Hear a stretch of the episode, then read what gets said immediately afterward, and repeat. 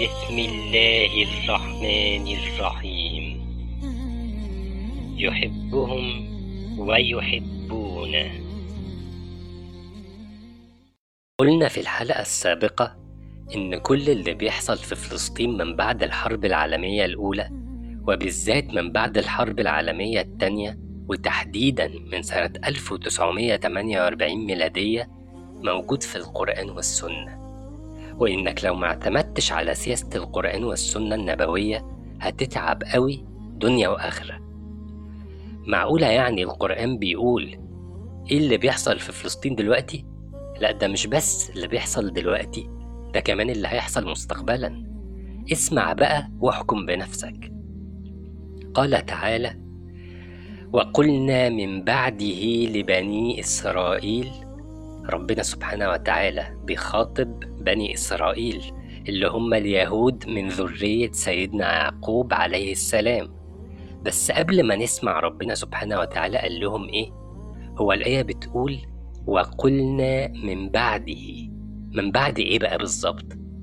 من بعد المواجهة اللي حصلت بين سيدنا موسى عليه السلام وبين فرعون.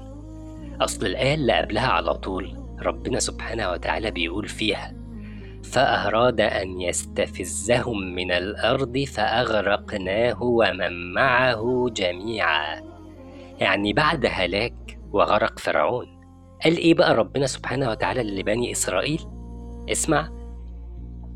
وقلنا من بعده لبني إسرائيل اسكنوا الأرض فإذا جاء وعد الآخرة جئنا بكم لفيفا.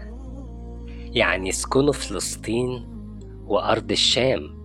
وده طبعا بعد ما عصوا سيدنا موسى عليه السلام ورفضوا يدخلوا معاه الأرض المقدسة زي ما برضو القرآن حكى لنا وقالوا له فاذهب أنت وربك فقاتلا إنا هاهنا قاعدون. فكانت النتيجة إن ربنا سبحانه وتعالى حرم عليهم دخول فلسطين أربعين سنة. زي ما ورد في القرآن في قوله تعالى أربعين سنة يتيهون في الأرض. يعني يتشتتوا في الأرض. وبعد الأربعين سنة دول جه جيل جديد من بني إسرائيل وفتحوا فلسطين وعاشوا فيها. ودي فترة حكم سيدنا داود وسيدنا سليمان وبقية أنبياء بني إسرائيل عليهم السلام. وبعدين حصل لهم إيه؟ اسمع بقى وركز. بدأوا رحلة الفساد والشرك بالله والغدر ونقد المواثيق وعبادة الجن والشياطين وتعلم السحر والتعامل بالربا وكل ده موجود في القرآن برضه. من أول قوله تعالى فبما نقضهم ميثاقهم وكفرهم بآيات الله وقتلهم الأنبياء بغير حق لحد قوله تعالى وأخذهم الربا وقد نهوا عنه وأكلهم أموال الناس بالباطل الأهم من ده كله بقى حكم ربنا سبحانه وتعالى عليهم كان إيه؟ اسمع كده وقطعناهم في الأرض أمما. يعني فرقناهم في الأرض كل أمة من اليهود في بلد مختلفة. طب إزاي ده حصل؟ اسمع بقى كده أهم آية تخصنا في كل ما سبق. وقضينا إلى بني إسرائيل في الكتاب. الكتاب ده اللي هو التوراة كتابهم. لتفسدن في الأرض مرتين ولتعلن علوا كبيرا. يعني قلنا لبني إسرائيل في التوراة إنكم هتفسدوا في الأرض مرتين وهتستعلوا على الناس وهتظلموهم وتتجاوزوا كل الحدود في الظلم. فإذا جاء وعد أولاهما بعثنا عليكم عبادا لنا أولي بأس شديد فجاسوا خلال الديار وكان وعدا مفعولا.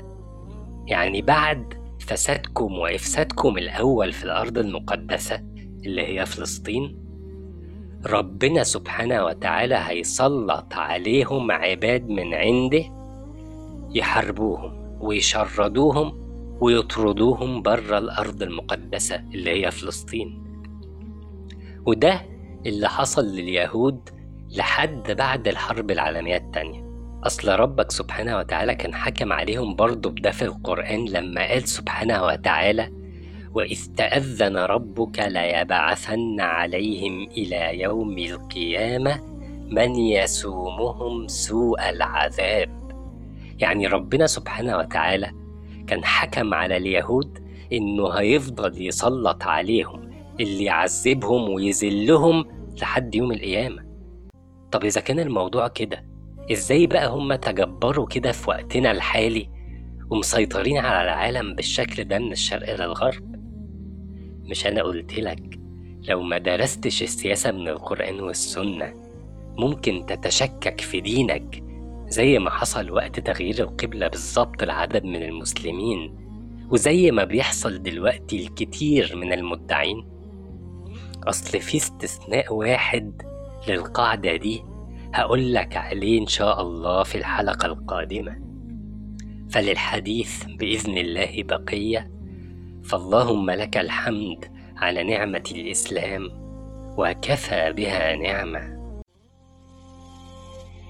رب اغفر وارحم وأنت خير الراحمين.